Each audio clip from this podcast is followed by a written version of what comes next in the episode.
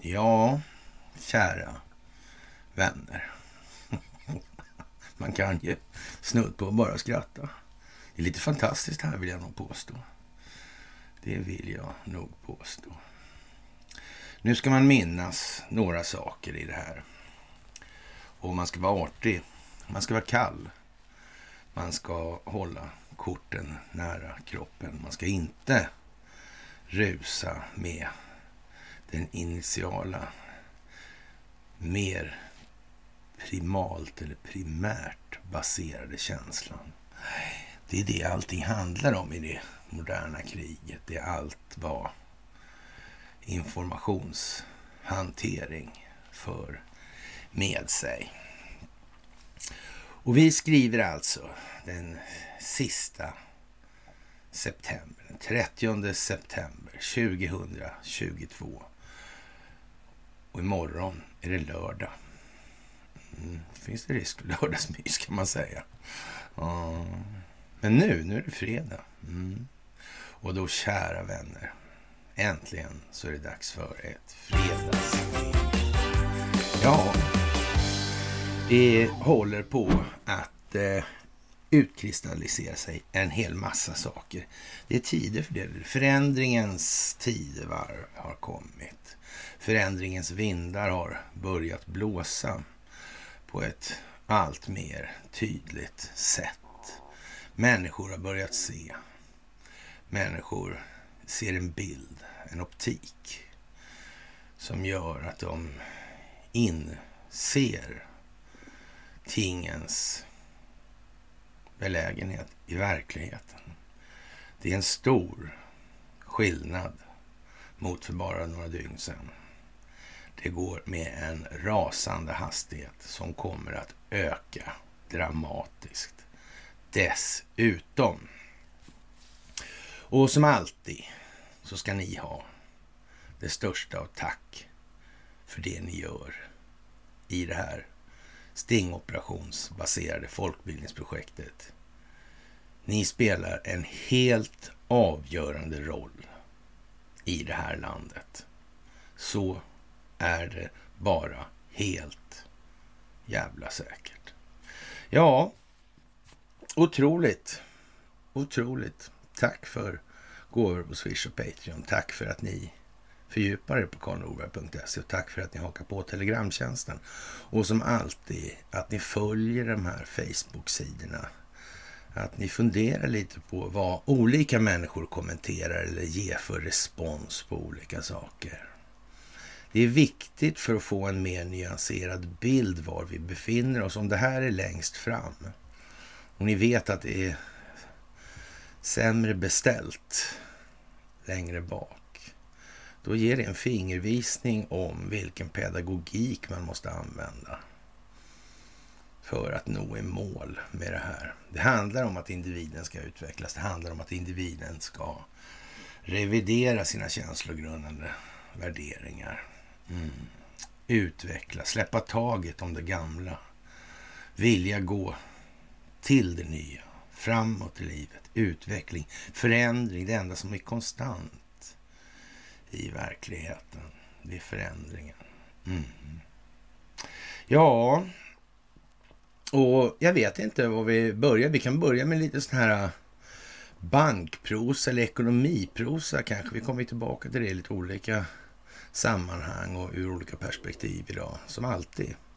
Och eh, världsekonomin är ju i ett dåligt, sällsynt dåligt skick. Alltså även om inflationen inte hålls tillbaka. Alltså västvärlden räknar med att USA, räknade alltså med att USAs president visar sina ledaregenskaper. Men jag vet inte om det är mycket att hoppas på i det här läget. Det verkar dessutom som att eh, det höjs röster till och med i olika sammanhang om att det här är liksom Ja, det är inte riktigt riktigt alltså.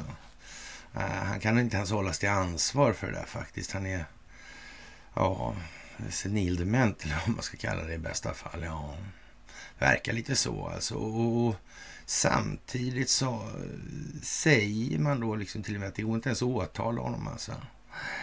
Nej, konstigt det där. Han måste ha... Jag vet inte. Kan det vara värt lite åtalseftergifter kanske man får ta det på ett annat vis. Mot att... Ja, som sagt, det beror ju naturligtvis på hur djupt rötan har trängt ner i leden från fiskens huvud. Kanske är det i princip hela stjärtfenan som är förruttnad. Vad gör man då, då? Vad har man för val? Vad har man för val? Ja, det är som det är, kort sagt. Och så var det nödvändigt att spela det här. Det kunde aldrig någonsin ha blivit på något annat vis. Om teatern kräver andra åtgärder och insatser efterhand, ja, det får vi väl se. Helt enkelt. Det får vi avvakta. Det handlar ju i alla delar om befolkningen. Mm. Det går ju inte det här med att befolkningen kräver blod. Häkta eller frihetsberöva Hillary och hennes polare och avliva dem på Gitmo. Ja, men om det kommer fram, och det kommer ju komma fram i så fall. Vad är det här för någonting då? Det kommer ju vara en, ska man säga, sammanhållande kraft bland de människor som tycker att det här är väldigt en väldigt dålig utveckling. Den kommer ju växa. Är det smart att handlägga det här på så vis? Jag tror inte det. Jag tror inte att det är det. Kan de som har planerat det ha tänkt på en sån sak? Eller var vi ensamma på jorden om att komma på det, tror jag. Jag är inte helt säker på det faktiskt, men nästan. ja, sådär. Jag tror de här datorerna är duktiga i alla fall.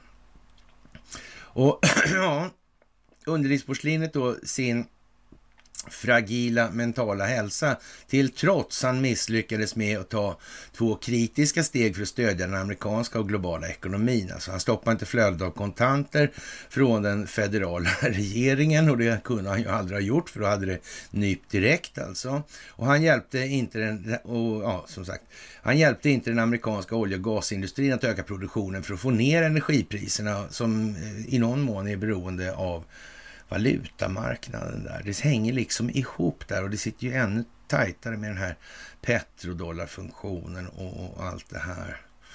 Mm, ja, och han slösar pengar åt höger och vänster verkar det som. Och, och hans senaste dragen plan för att skriva av studentskulder beräknas då av Congressional Budget Office kosta i runda slänga 400 miljarder dollar alltså. Och det här är ju sådana här, världen står inför en ekonomisk kris. Alltså USA måste vidta alla möjliga åtgärder för att dämpa inflationen hemma och utomlands. Tyvärr kräver detta beslutsamma steg av presidenten.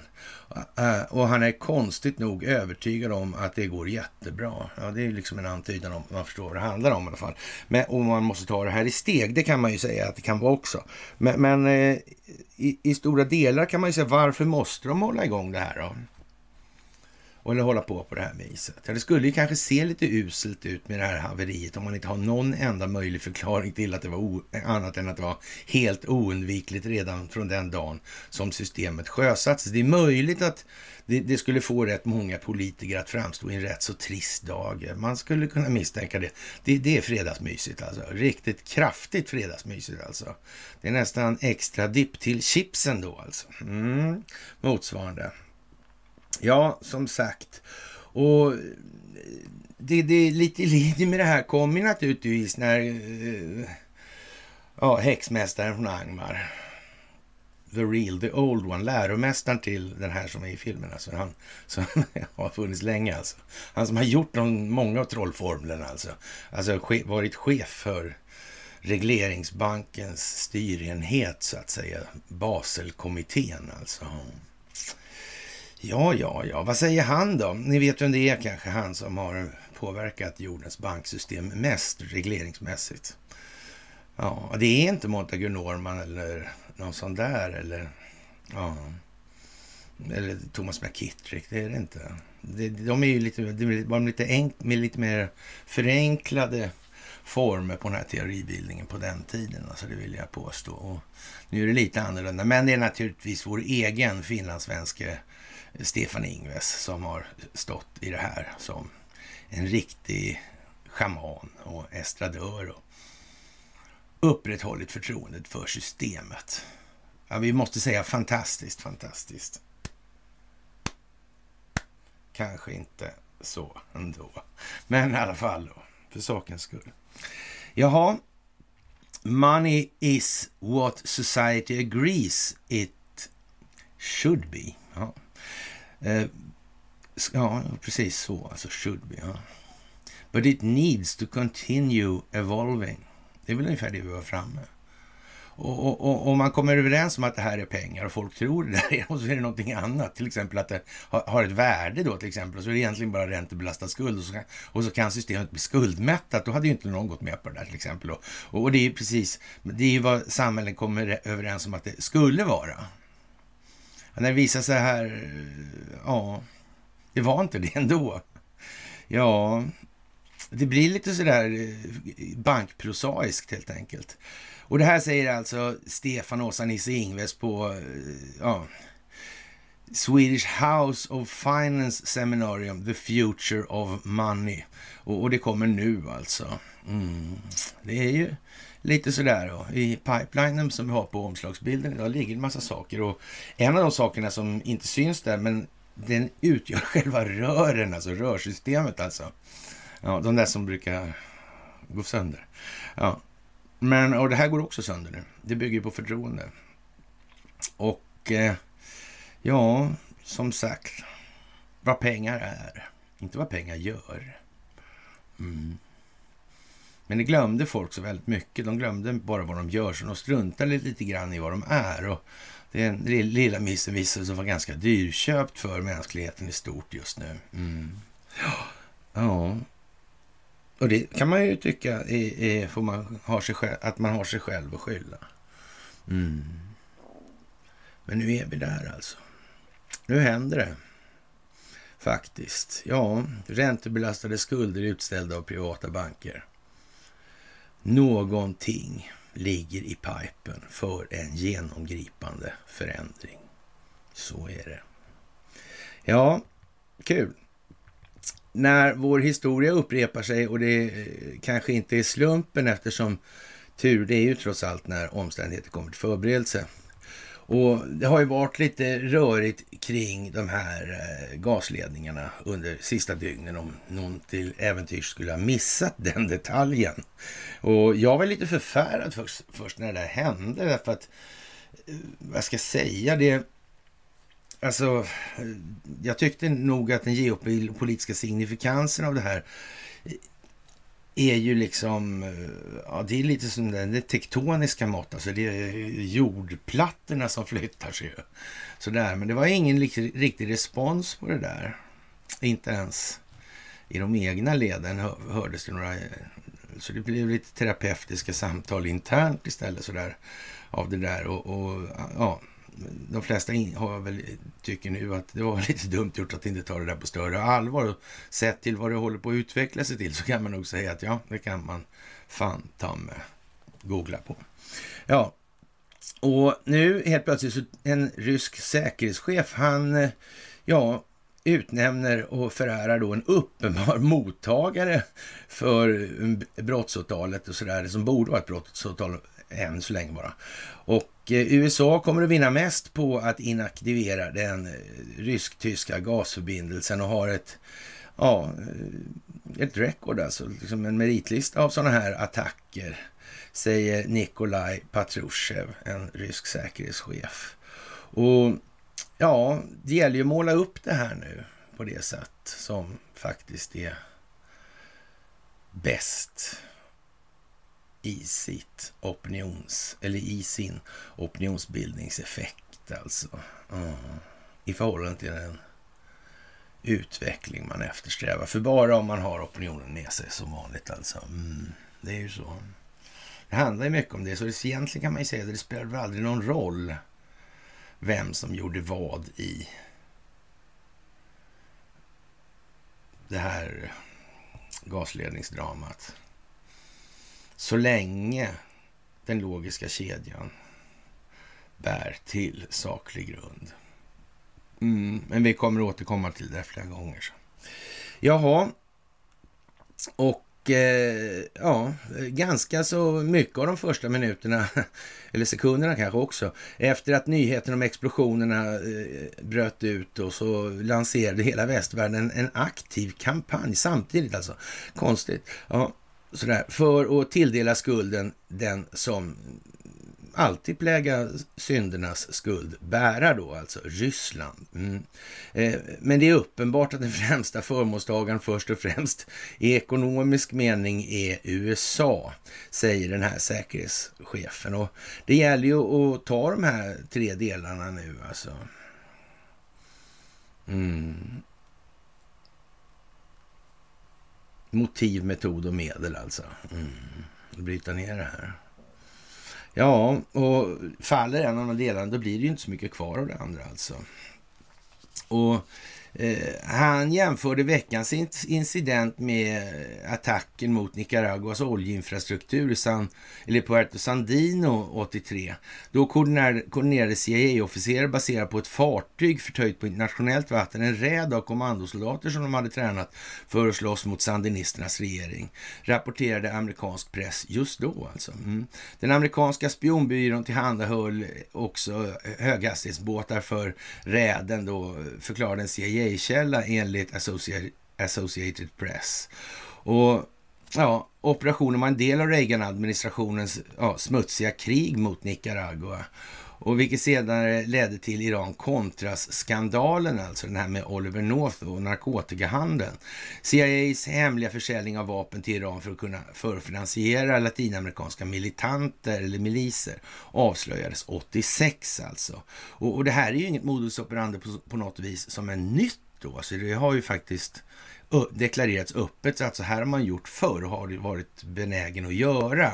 Och, och, är det så att man då tror att moralen kanske inte har blivit bättre, ja då är det ju fortfarande möjligt. Tror man den har blivit sämre, ja då är det ju mer möjligt. Och ja, tror man att det här, de har blivit skitbra nu, ja då är det mycket mindre möjligt då alltså.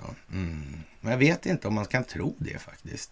Det verkar precis som att den här så att säga, materialistiska utvecklingen i den meningen verkar missgynna det allmänna mer än vad det Eh, ja, så att säga, några få tycks ändå alltså bli allt och så där. Jag vet inte. Det kan ju vara lite åt det hållet alltså. Mm. Kan det ju vara. Och ja, det verkar vara nödvändigt att samordna våra ansträngningar för att avslöja hjärnan och exekutören av det här brottet, vilket är ett gott exempel för effektivt samarbete, sa han till sina motsvarigheter. Och ja, det kräver väl kanske lite grann då att eh, det blir en samverkan då, eller sådär som vi brukar säga. Mm. Ja, då kanske man i, i den meningen tar ett steg, skulle man kunna tänka sig, om man säger det så här. Alltså, att man säger säkerhetstjänsterna som vill väl ska samverka här. Det får man nästan... För, för någonstans har de ju också sagt att det finns statlig inblandning. Då implicit innebär ju det att nu måste vi se till att det är statlig, bara statlig inblandning med rätt syfte i den här delen, kan man säga. Det är lite grann som att nu går det här öppet då, eller man skapar en förväntning om att det kan faktiskt bli så här nu. Mm. Och det är ju svårt för de här länderna som Peskov säger då har haft hand om övervakningen av eh, den svenska ekonomiska zonen och den danska. Det är Danmark och Sverige. Alltså det är svårt för dem att säga, för dem att säga nej i det här. De måste ju fördöma det. Mm. Det måste de ju göra. Och, och, om Ryssland säger att vi vill gärna ha ett samarbete i det här, det vill säga så alla får ge sin syn på det här, det, då är inte befolkningen dummare nu utan tycker att det är nog det mest rimliga. Ja, annars så kommer det heta Russia, Russia, Russia och Putin, Putin, Putin. Så. Mm. det, det, det, är helt oseriöst. så kan vi inte ha det. Alltså. Ska det bli fred till exempel, då måste vi liksom ha kommunikation. Alltså. Måste informationshanteringen åtminstone syfta till att nå det. Mm. Och, och, det är ju lite grann det här, återigen alltså. Ja, fred och allmänt välstånd, det är liksom inte fred och enskilt välstånd i den meningen att det är enskilt, alltså mm, inte allmänt. Eh, men sen kan ju då så att säga, allmänt välstånd bidra till enskilt välstånd. Så, mm. så är det ju. Det är mycket, mycket mer ovanligt att eh, enskilda vinstmaximeringsintressen bidrar till, det är liksom omvänd ordning det här, funktionsmässigt. Mm, att det bidrar till det allmänna me mer än vad det finns nöd och tvång helt enkelt. Mm. Ja, det är ju lite sådär speciellt faktiskt. Och eh, han noterade att USAs mål var att säkerställa strategisk och ekonomisk överlägsenhet över alternativa maktcentra, även om Washingtons allierade har lidit mycket av den här politiken. Då. USA ut, ersätter rysk naturgas med sin dyrare flytande naturgas då eftersom blocket går för att frikoppla sin ekonomi från eh, ryska energikällor. Mm. Alltså, hade det där fortsatt, eller man ska säga inte hänt då, då kan man ju säga att Ja, då hade ju Tyskland kunnat säga nej, vi kommer ju välja så här. Alltså. Men problemet är då, då får man inte riktigt det, man moment, det momentum man behöver i andra sammanhang, som till exempel gällande den skandinaviska teatern i det här. Man måste få upp det dit. Det är som jag sagt kanske vid något enstaka miljontal tillfällen bara. Och, och lågt räknat alltså. Mm. Det, här, det, här, måste ju hamna någonstans förr eller senare. Liksom, ja, vad kan det vara? Är det svårt att se var det håller på att hamna någonstans? Varför begärde Peskov ut underlagen för bevakningen som tillhandahålls av Danmark och Sverige för sina ekonomiska zoner? Mm. Kan det vara så att man till och med visste det innan? Och de här avstängningarna och grejerna, kanske var det liksom grejer, de här underhållen och så vidare. Jag menar, hur många bankrån har det inte gjorts med trasiga bilar som har stoppat trafik och hej och hå liksom. Ja, inte ett enda va? Inte hela filmhistorien tror jag. Nej, faktiskt. Ni har helt rätt när ni säger det. Då. ja, herregud. Mm. Det är lite så nu. Jaha, och eh, man bör ju någonstans också beakta då att om ryssarna visste om det här, det här underhållet kanske gick ut på att vidta någon skademinimering eller något sånt där. Så det gick inte så. Man skulle ju kunna tänkt sig att man har riggat den sektionen för att ta den smällen också. Det är ju liksom, för Ryssland är det ju fritt att vistas i de här sammanhangen. Ja. Mm. Det här är ju mycket speciellt, får man säga. Mm. Ja, som sagt, eh, det här är nödvändigt på ett rätt så ovillkorligt vis alltså för att skapa vad som ska komma framgent och de momentum som krävs för att driva igång opinionsbildningsprocesserna. Det handlar om informationen. Det handlar om det moderna krigets beståndsdelar. Ja, Eh, ja, vissa kritiker av Ryssland spekulerar att Moskva bestämde sig för att spränga sina egna gasförbindelser med Tyskland för att sätta press på EU. Det verkar väl, eh, det är naturligtvis så här att pågår ett samarbete i, inom ramen för det här folk, globala folkbildningsprojektet och problemet med den djupa staten finns i Ryssland och Kina. Mm. Som sagt, och vem vet om den här metangasen är farlig? Ja, den är kanske lika farlig som radioaktivitet till och med. Det skulle ju kunna vara så. Men det lär ju utvisa sig hur det är alltså. Ja. Och, och, folk börjar ju redan nu att flagga som anar oråd i busken här som har försålt, eller, ja, försålt sina själar till lägstbjudarna höll jag på att säga. Men ja, det är ju så till djävulen då. Lite sådär alltså.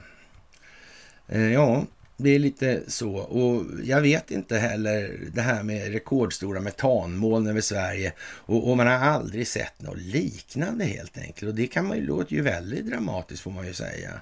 Det, det måste jag ju tillstå alltså.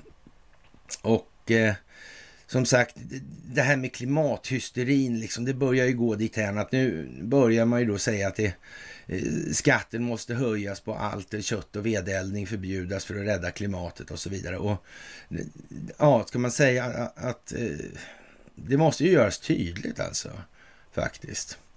Och i Aftonbladet så skriver man alltså så här då. Ett enormt metanmoln drog in över Sverige och Norge efter att Nord Streams gasledningar exploderat.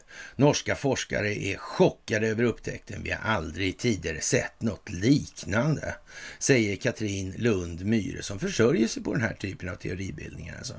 Det bubblar utanför den svensk-danska kusten efter explosionerna i Nord Stream 1 och 2. 96 procent av gasen som finns i de två rörledningarna består av metan. Och när det norska luftforskningsinstitutet NILU skulle räkna ut hur stora klimatutsläppen var blev de förbryllade. Eh, med många försiktiga reservationer om det faktiska trycket i rören och eh, utsläppshastigheten beräknade vi först att minst eh, 40 000 ton metan kan ha släppts ut i havet och atmosfären, säger forskaren Stefan Matthew Platt i ett pressmeddelande. Vi har nu gjort nya beräkningar och uppskattat att Eh, de första var lite fel. De här, det var minst 80 000 ton metan har släppts ut från Nord Stream-rören och så. De senaste dagarnas utsläpp är fyra gånger större än vad den norska olje och gasindustrin släpper ut årligen enligt Nilu. Eh, vi har aldrig tidigare sett något liknande eh, vid något av våra observationer observatorier, säger seniorforskaren Katrin Lund Myhre. Och, och, det är ingen fara för människor alltså. Och, och, ja, bilder från forskningsinstitutet IKOS visar hur metanmolnet tar sig in över stora delar av Sverige och Norge innan det drar norrut alltså. Och ja, det senaste, den senaste indikationen är att gasen rör sig norrut och kan ses över Svalbard om ett par dagar, säger Platt. Platt säger att utsläppet inte gör någon akut, utgör någon akut fara för människor, men betonar dock att gasen som är Eh, 32 gånger kraftfullare än koldioxid kan ha en viss påverkan på klimatet. Alltså. Forskarkollegan eh, Björn Samse tror dock att effekterna inte har så stor betydelse i sammanhanget. Om man räknar in effekten över 100 år säger man gärna att metan är 20 gånger kraftfullare än CO2, säger Samse som arbetar på klimatstiftelsen Cicero till NRK. Han påpekar att energiproduktionen och jordbruk släpper ut närmare en miljon ton metan per dag alltså.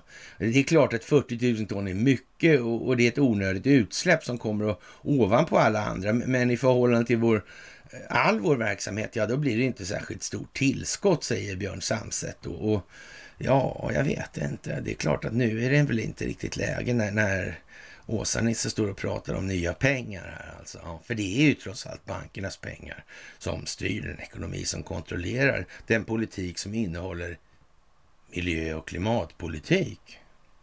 Och därför så adresserar aldrig klimat och miljörörelsen problemet med pengar. Vilket implicit då gör gällande var de har sin hand som föder dem. Mm, kan man gissa. Det var kanske inte så jätterevolutionerande sagt. Och som sagt, om det finns krafter då som motverkar den djupa staten så verkar det ju nära nog ha begåtts grava tjänstefel alltså. Och, och, och man inte har upptäckt då den här planeringen bakom det här terrordådet alltså. Ska den här Kearsarge ha varit insyltad där? Och det är naturligtvis inte alla på den båten som inser nej, nej, nej, nej, nej, nej, så verkar det inte allt kunna vara. Nej, så gör man inte, utan det är need to know basis då för ett fåtal och så finns det rätt så påtagliga eh, straffpåföljder om man är lite oaktsam eller rent av obetänksam eller kanske rent av uppsåtlig då, men då, ja, och så vidare. Men då har man ju fattat ett dåligt beslut då, om man har gjort det så och torskar. Ja, det, det är klumpigt, men kanske värt ett försök ändå, tycker många. Mm. Omfattningen av förstörelsen vid Nord Streams gasledningar eh, ja, indikerar att det var någon form av terrordåd, sa Kremls talesman Dmitrij Peskov på torsdagen, alltså igår. Incidenterna utreds av ryska riksåklagarmyndigheten samt svenska och danska myndigheter. Här. Och då har den här säkerhetschefen lanserat den käcka idén då, som jag tog i början här, att vi kanske skulle samarbeta. För vi vill ju alla ha fram hur det här har gått till. Mm. Hur gör man egentligen när man avböjer en sån grej? Med någon form av bibehållen trovärdighet. Mm. Om Ryssland, vars ensak det här är, och händelsen som sådan är av sådan art och natur att den mest berör Ryssland trots allt. Alltså. Även om effekterna i sin tur i andra ändan är ganska påtagliga, men ändå. Ja. ja det där är konstigt alltså. Och, och, ja, explosionerna vid Nord Streams rörledningar är ett internationellt terrordåd med så, så kallade eh, kollektiva väst som döljer de verkliga förövarna, sa den eh, ja, ryska underrättelsetjänsten. Ryssland har redan material ah, som pekar på det västerländska fotavtrycket i att organisera och genomföra sprängningarna, sa SVR-chefen Sergej Naryshkin till reportrar. Jaha, så de hade redan, de visste redan om det här. För, för, för ja, de har redan. ja, det kan man ju säga. Det kan man ju säga. Ja. Alltså det var alltså riggat på så vis kan man nästan säga då i alla fall. Ja, ja, ja. Det var kanske så lite geofensat då, lite spatialdata och sådana där läckra grejer alltså. Mm. Till och med bland underrättelsetjänster alltså. Jaha. Ja, ja, det var så fan alltså. Ja. Ja, man vet ju inte. Han, de här lirarna kanske är helt ute och cyklar å andra sidan. Och då har ju, får ju vi äta upp den hatt vi aldrig har på oss. Det vill säga, det är inte så jobbigt, men ändå. Och eh, ja, antingen har de ju tokfel och vet inte vad de snackar om och sitter bara och ljuger. Eller, eller, eller så är det på något annat vis. Mm.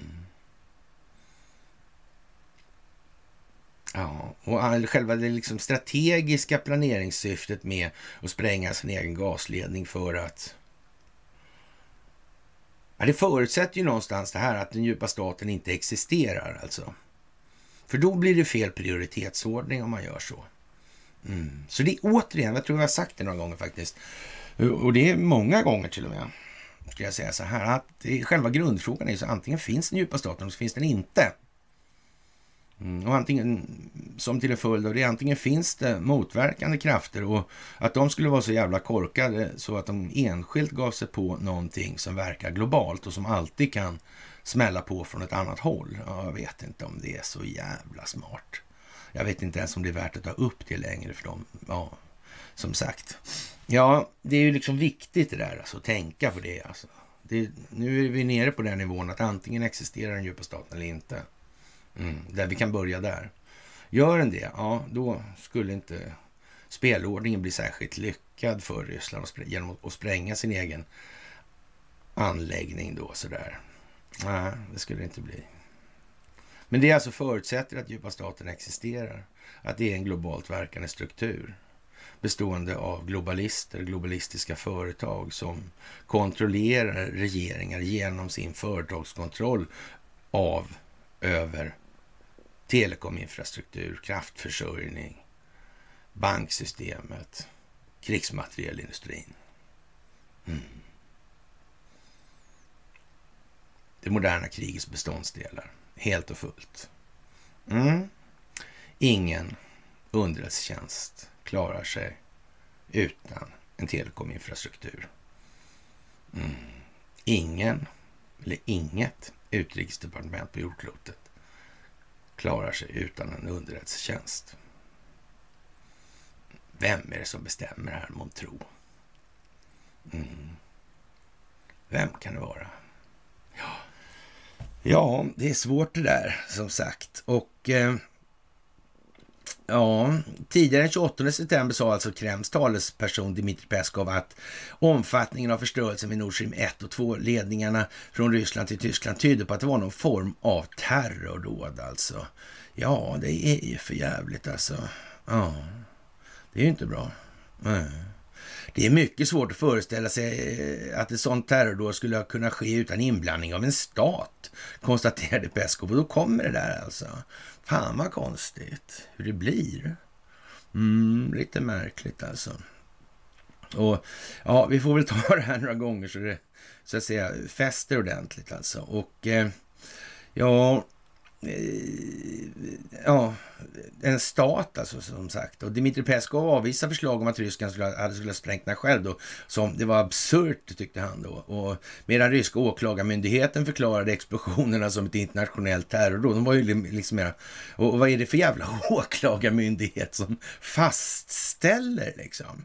Eh, jaha, liksom. Ja, eller förklarade gjorde de alltså. Man, man, man, man, man eh, ja, jag vet inte det verkar vara fler som vet om det här alltså. Det verkar helt enkelt vara så. Och Det kan ju vara så att man kanske inte ska ha rättsvårdande myndigheter som börjar eh, köra för självständigt i det här läget. Det kan ju vara lite... För, för trots allt är det svårt att veta om man har lyckats röka ur all röta i det här, torka upp alltså. Så det kan ju ligga lite sådär... Någonstans måste det ju ligga liksom ett gränssnitt då. Då måste man ju bestämma sig där också. Och, och, då blir det naturligtvis så att ibland, där måste det bli fel också. Med avseende på vidden på korruptionen. Så det måste ju bli lite sådana här kinapuffar Kina-puffar och bränder och hej och hå, liksom. Det här var nog inte en sån alltså, utan det här var en, en mer, eh, ja, strategiskt eh, gynnsam händelse. Alltså väldigt lyckat alltså på så vis. Och utfallet av det här kommer ju visa sig vara fantastiskt. Det är helt jävla säkert alltså. Och eh, någonstans så med, avsatsen på, med avseende på insatsen i trovärdighet så är det ju som det är alltså med sådana där uttalanden. Man kan ju liksom inte bara slänga sig som åklagarmyndighet med sånt där alltså. Det går inte. Det där, det där är liksom inte eh, i riktigt skarp juristprosa om vi säger som så. Det, det så. De kanske är oskickliga med orden där på ryska åklagarmyndigheterna. Jag vet inte faktiskt. Eh, ja, statsåklagaren kanske är obildad. Jag, jag har ingen aning alltså. Sådär. Peskov talar i alla fall efter att det ryska utrikesdepartementets talskvinna Maria Sakarova tidigare på torsdagen sagt att incidenten vid Nord Stream-ledningen hade ägt rum i det område som kontrolleras av amerikansk underrättelsetjänst också. Se där, se där, se där ja. Och, och visserligen var ju han Peter Strock lite vimsig där med kontraspionaget och åkte till England och hade sig hit och dit alltså. Ja, men, men jag tror, tror ändå liksom, FBI måste nog ha fått liksom någon... Det måste ändå vara så att om någon ska sköta den interna ordningen då för ja, där den verkställande handen utgår ifrån så, så blir det nog FBI. Då får man väl ta vad man har som Kajsa Warg sa. Och det kan inte alltid vara så lätt. Det kan man ju se. Ja, sådär. Mm. Ja, eller hur? Så. Och eh, CIA som sagt, de sorterar ju först och främst under den kategorin som bruk, vi brukar kalla för eh, vad ska vi med dem där till? Ja. Så. Mm. Det är ju liksom en, en rätt så stor del. Det är själva ryggraden i de där prylarna, inte hjärnan alltså. Den sitter ovanpå. Mm. Så är det mm. Närmare ögonen, om man säger som så. Ja, och eh, det här är, är ju liksom en eh, amerikansk underrättelsetjänst, okej? Okay? Utrikesunderrättelsetjänsten. Mm. Ja, Ja, det, vilka kan det vara? Vilka kan det vara? Ja. Mm. De där som Dallbröderna började med, höll säga. Mm. Jaha, och... Eh, ja, alltså... Enligt Rysslands vice utrikesminister Alexander Grushko är Moskva redo att överväga förfrågningar från EU-länder alltså om en gemensam utredning. Det kommer liksom från ett nytt håll här. Det är inte bara den underrättelsetjänst, det är fler alltså. Som har kommit på den här briljanta idén. Eh, utreda de senaste incidenterna på Nord Streams gasledningar till havs. Den ryska beskickningen till FN har begärt ett möte i FNs säkerhetsråd för att diskutera attacken. Och det här är ju intressant alltså. Hur ställ, kommer Sverige att ställa sig till det här fallet? Man kan ju inte. Alltså vad skulle komma fram om man om någon av de här människorna fick för sig sen en kväll att titta på mys, eller ännu värre, titta på föreläsningar, till exempel den här om framväxten av den djupa staten, alltså det militärindustriella komplexet och underrättelsetjänstkollektivet, den moderna tappningen alltså.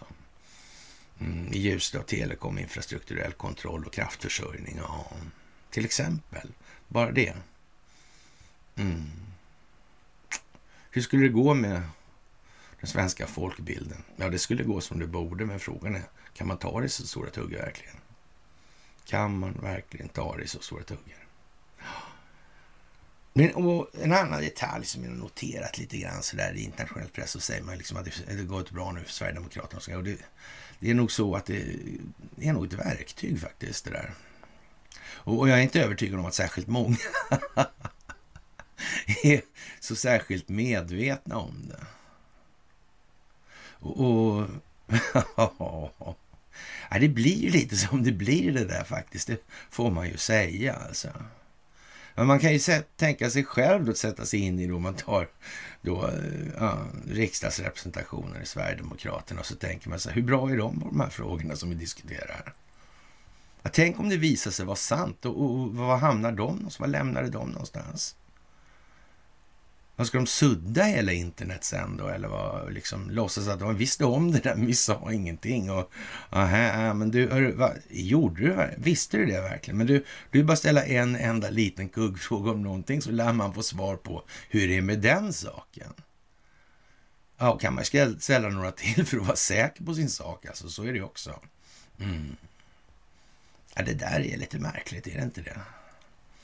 Så det verkar vara, det där är någon form av, ja, vad ska vi säga, folkbildningsprojekt helt enkelt. Så kan vi säga. Det måste det vara, helt säkert alltså.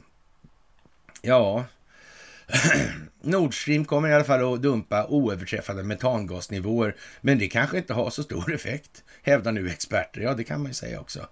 Och eh, det här eh, systemet som vi har i det här landet, det är ju lite som det är alltså. Eh, svenska och danska myndigheter sa att de hade upptäckt undervattensexplosioner med konsensus om att händelsen berodde på sabotage. Jaha. Mm. Ja, men då, då blir det ju liksom lite ännu lite, då man kommer det förhållandevis tidigt. Alltså då, eh, ja. Alltså, och det var ju de här eh, vem gjorde kopplingen liksom? Alltså, att det small, de här seismologiska institutionerna och sånt där. De konstaterar ju de här smällarna. Det har varit smällar liksom. Men att de kopplar dem direkt till Nord Stream då. Utan, det var det första de tänkte på, att det var där det small alltså. Mm. Ja, det är ju det där alltså. Och det, ja, kraftledningen då? som gick 500 meter därifrån. Jaha. Kanske den också fick en kyss. Mm. den råkade vara avstängd just och ingen vet om den har påverkats av det där eller inte. Nej. så också. Jaha. Ja, ja, men det kan ju vara så. Mm. Man vet ju inte. Och eh, operationen Nord Stream AG Eh, ja, förstörelsen av gasledningen till havs är oöverträffad alltså. Och tillade att det är omöjligt att beräkna hur lång tid som skulle behövas för att åtgärda den här alltså. Ja.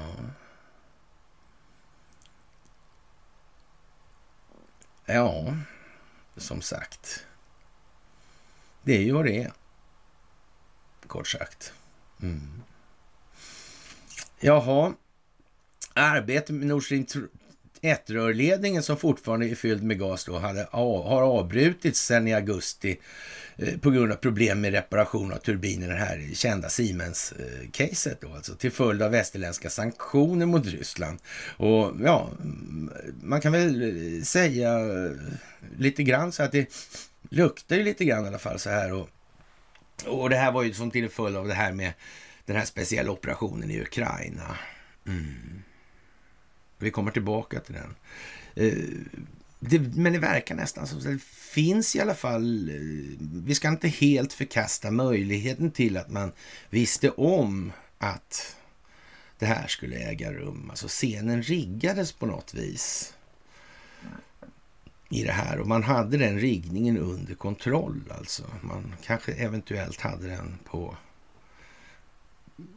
ja, känn för länge sedan. Alltså. För hur är det där egentligen med de här uh, infiltratörerna? Jag hållit på lite med sån här verksamhet faktiskt i samband med statlig verksamhet. Mm. De här som är på insidan.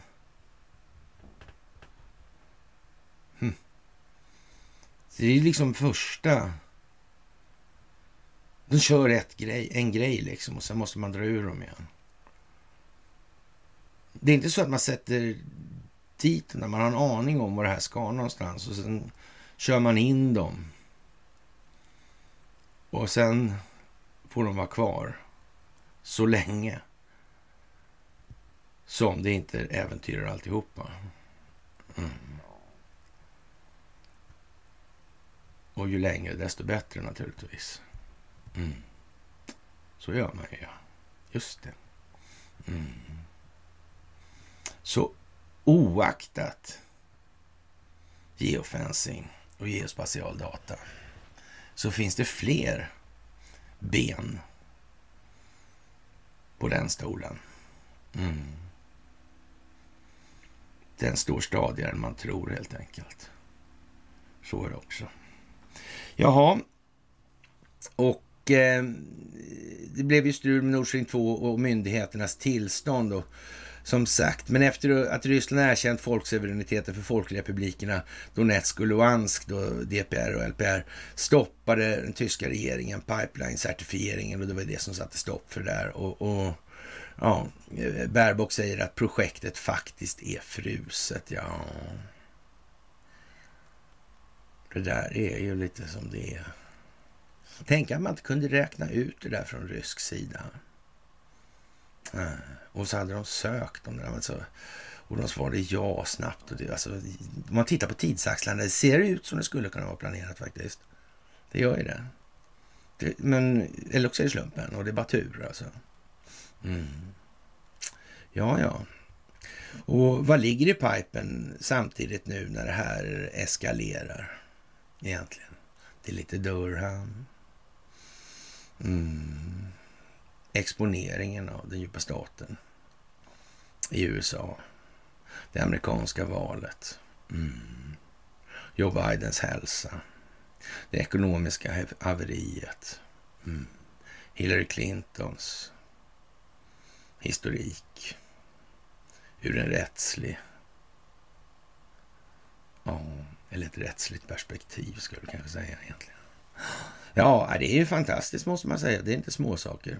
Det är det minsann inte. Och ja, det går löjligt bra nu för det svenska CIA-företaget och det här måste nog kanske ändå, det var en svensk som var chef för det där. Mm. Jag vet inte fan alltså om inte det kanske är en del av det här alltihopa. Eller över, sket man i en massa olika perspektivvinklar. Alltså, man tyckte det gör ingenting för helheten. De finns där men finns inte. Ja, och det, det, är ingen som kan stoppa något i dem heller så att de förstör någonting. Nej, så är det ju. Ja, det här med kungahusen är ju lite på tapeten alltså. Mm. Släktskapet dem emellan i det här. Helt plötsligt dök den djupa, djupa staten upp. Eller hur? Ja, men så var det ju bara från en dag från till annan. Alltså, så. Ja, och vi får väl tillstå nu att vi får ett hyfsat rätt i det här. De som inte tycker att den skandinaviska scenens betydelse förefaller mer uppenbar får väl tycka det då. Men vi kommer tycka det så i alla fall. Alltså. Eh, eh, och Ukrainas roll som momentskapande opinionsbildande faktor eh, kan ju faktiskt anses vara väl belagd. Alltså, och precis som vi har sagt skulle det bli fallet i det här. Och, och sen vad ligger i pipen? Det är liksom det som kommer nu då, då kan vi säga. Sen, kanske, sen kommer det naturligtvis lite mer. Det ska blåsas upp mer och vi är nog inte helt främmande för det här med att man så att säga utsätter den svenska befolkningen för lite riktigt tryck helt enkelt. Så de är inte vana med att ja, så att säga, få näsan inslagen eller tappa sina tänder eller sådana här grejer alltså på gatan. Nej. Jag tror de behövde lite mer sånt faktiskt, inte utan alltså. Ja, så om vi nu vidare, ja, så att säga, ja, eller så här, om vidare de mest rys, eller rabiata Rysslandshatande länderna befinns inblandade i Nord Stream-incidenten alltså. Mm, typ lite grann i enlighet med vad... För det är ju så att inte, alltså USA och CIA har ju inte gjort det här helt själva. Det finns ju inte en möjlighet alltså. Uh, och, och de här filmerna får vi som sagt se hur det blir med. Ja, det lär ju kunna bli någonting det. Mm. Och om ryssarna visste om det där, varför... Ja, som sagt, det, någon bestörtning verkar ju inte direkt vara överväldigande från det hållet heller. Uh, ja. Och, och, det får man väl räkna med och därför säger man att de har gjort det själva då. då. Ja, jag vet inte. Men det stämmer ju dåligt med här om den djupa staten existerar alltså. Det blir ju åter, man kommer tillbaka till det hela tiden alltså. Och ja, om vi nu finns inblandade i det här så, så kan vi nog faktiskt också tänka oss, och, och det räcker ju återigen, alltså det räcker ju med frågan då, finns den djupa staten alltså i det här? Är det liksom en entitet som är redo att begå brott? Ja, de har ju hamnat i vissa eh, rättsliga kontroverser genom åren. Till och med det, det har inte ens gått att dölja i den utsträckning som det förekommer nu. Alltså, nej, det är så mycket är det alltså. Och, och Ja, som sagt, imorgon då, då är det en ny dag alltså. Då är det lördag. Och, och, vi kan med tillförsikt se fram emot en verkligt, verkligt, verkligt röd oktober. Jakten på röd oktober alltså. Ja, som sagt, titta på den gamla filmen alltså med mm, Sean Connery och Sam Neill och ja, rollfiguren Ivan Putin. Mm. Vad skulle den där göra egentligen? Det var ett smygverktyg, alltså. Mm. Reaktordrivaren. Mm. Hon kunde gå ända upp in till den amerikanska kusten. Och, ja. Man skulle kunna säga att ett sånt verktyg för militärer inom den djupa staten i Ryssland eller för detta Sovjetunionen. Det hade varit lite tokigt va? Mm. Trots allt, det kan inte ha varit så roligt liksom. Man var en del av det sovjetiska etablissemanget som, som professor i planekonomi till exempel. Ena veckan då var man det, nästa dag då var man arbetslös och alla tyckte man var en riktig idiot som inte kunde räkna ut det här. Ja. Känns det igen? Ja, det gör ju lite det. Mm. Som sagt, nu gäller det att hålla övergången så stillsam som möjligt. Det kommer inte finnas något behov av att piska upp stämningen alltså. Under inga omständigheter. Artig, kall och kort den här kroppen innebär att man kan vara torr i sin prosa och man kan vara sarkastisk. Det kan man vara, men så mycket längre Nej, inte läge liksom nu riktigt. Jaha, Hultqvists varning kan gå mot ett mer spänt läge alltså. Och, och Hultqvist varnar alltså för dagens eh, lilla eh, ja, event då att eh, Ryssland då formellt annekterar fyra ockuperade regioner i Ukraina. Och, och, då kan han alltså hävda att kriget sker på rysk mark, säger han till TV4s Nyhetsmorgon. Då använder man det för att trappa upp och eskalera de olika krigsaktiviteterna man bedriver. Men det spelar väl ingen roll eftersom de är helt slut, ryssarna, och håller på att tvingas lägga ner all militär verksamhet. Ungefär alltså. Så vi kan gå mot ett mer spänt läge och en hårdare situation alltså därför. Han delar Säpos bedömning om att hotbilden mot Sverige är breddad och fördjupad efter det misstänkta ja, terrorattentatet mot Nord Stream. Ja, jag vet inte jag. Som sagt, det är väl inte så mycket liksom att, att, att be för egentligen det här. Och, och, vi kommer tillbaka till det också det här med, men vad gör egentligen Vladimir Putin med de här eh, inkallelseordrarna? Och sen, vad fan gör han så där för alltså? Och, och sen kan man ju säga, alltså för samma dag som de här smäller så invigs ju den här nya gasledningen från Norge då, alltså norsk gas. Men det ser inte alls ut som att det finns liksom. Och på amerikansk, i amerikanska medier så, så gör man faktiskt det här med den här Dog McGregor till exempel. Han är lite sådär check för han, han, han säger då liksom att Norge har de här då resurserna att göra det. Och, och det vet inte jag om nu Norge är sådär särskilt känt för sin undervattensverksamhet.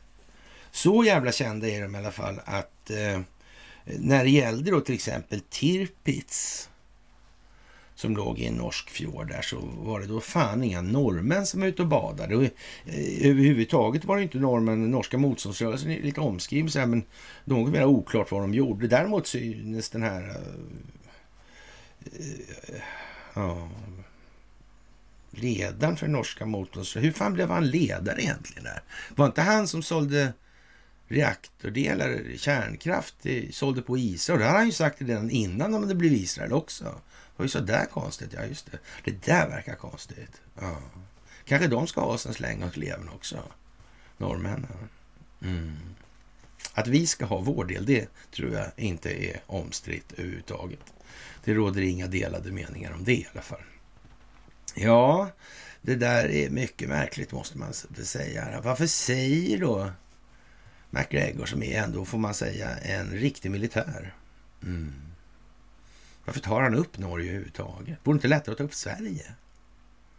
Men alla vet ju att eh, det inte sålts en enda norsk ubåt utomlands någonsin. Och, och, och dessutom har det sålts så många. Och, ja, vad ska man säga?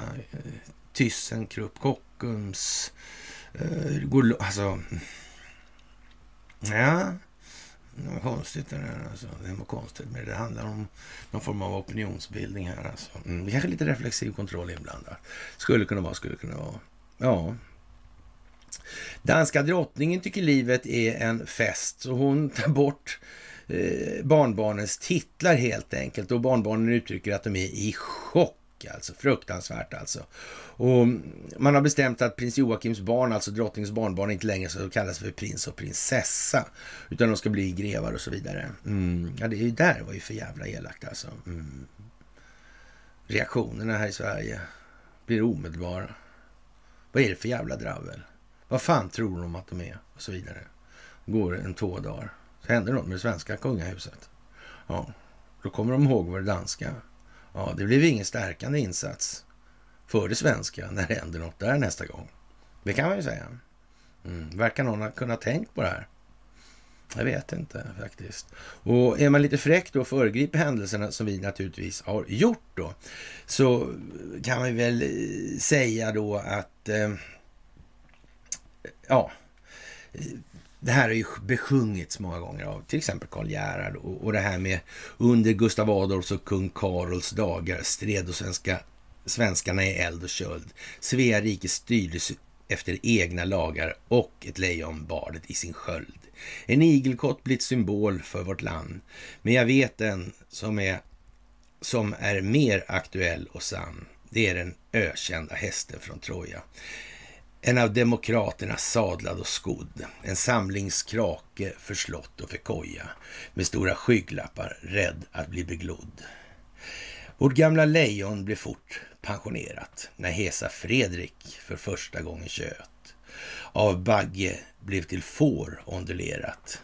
Därav Rutger fick essen, stackars nöt. Ja, eh, det är ju vad det är och det går ju vidare så här. Men har det ej snart gått upp för det loja att hela världen både fattig och pamp, att det är den ökända hästen från Troja som hela tiden kallats för min kamp. Jag vet inte om det här blir mig jättemycket tydligare. Men nu är jag i och för sig lite före vad det här ska bli, alltså igen så alltså. Men det, det, det går bra med er tror jag faktiskt. Så det här är ett jävla mysigt fredagsmys, vill jag ha sagt också i, i den meningen. Och jag tror att eh, det blir bara lättare alltså. Och, och det här, den här ondulerade, det här, ja, ondulerade svenska lejonet alltså, det är då eh, Gösta Bagge, nationalekonom och så vidare naturligtvis. Alltså, eh, jag vet inte om han, han kanske till och med gillar Stockholmsskolan, skulle man kunna tänka sig. Ja, ja lite ditåt faktiskt. Mm, sådär helt enkelt. Gösta Bagge, han gjorde några skolreformer också, till exempel en, eh, och han införde en skola, för det är 1944 vill jag minnas. Det var tyska skolan. Mm. Ja, ja, ja. Bagge Holmberg och Velander, han språkprofessorn där. Så nästa man att hålla ögonen på nu, det är den här Gösta Bagge och se vad han gjorde och inte gjorde. Att han var skolminister och svarade för skolreformer, det var kanske inte så konstigt. Men han införde ju tyska skolan med fyrered samtidigt, så man vet ju inte, det kanske var det verkligen helt lämpligt det där alltså? Och, och som sagt, eh, ja, hela tiden har kallats för min kamp. Jaha, jag kände hästen från Troja. jaha. Mm. Grekisk rakborste i vår hatt. Mm. Min höjd tar vi fram våra bågar och stormar Troja från insidan by natt. Ja, det där är lite så att säga eljest. Och Gösta Bagge är väl värd att ha i kartoteket, eller på säga, men i biblioteket bak i barkarna.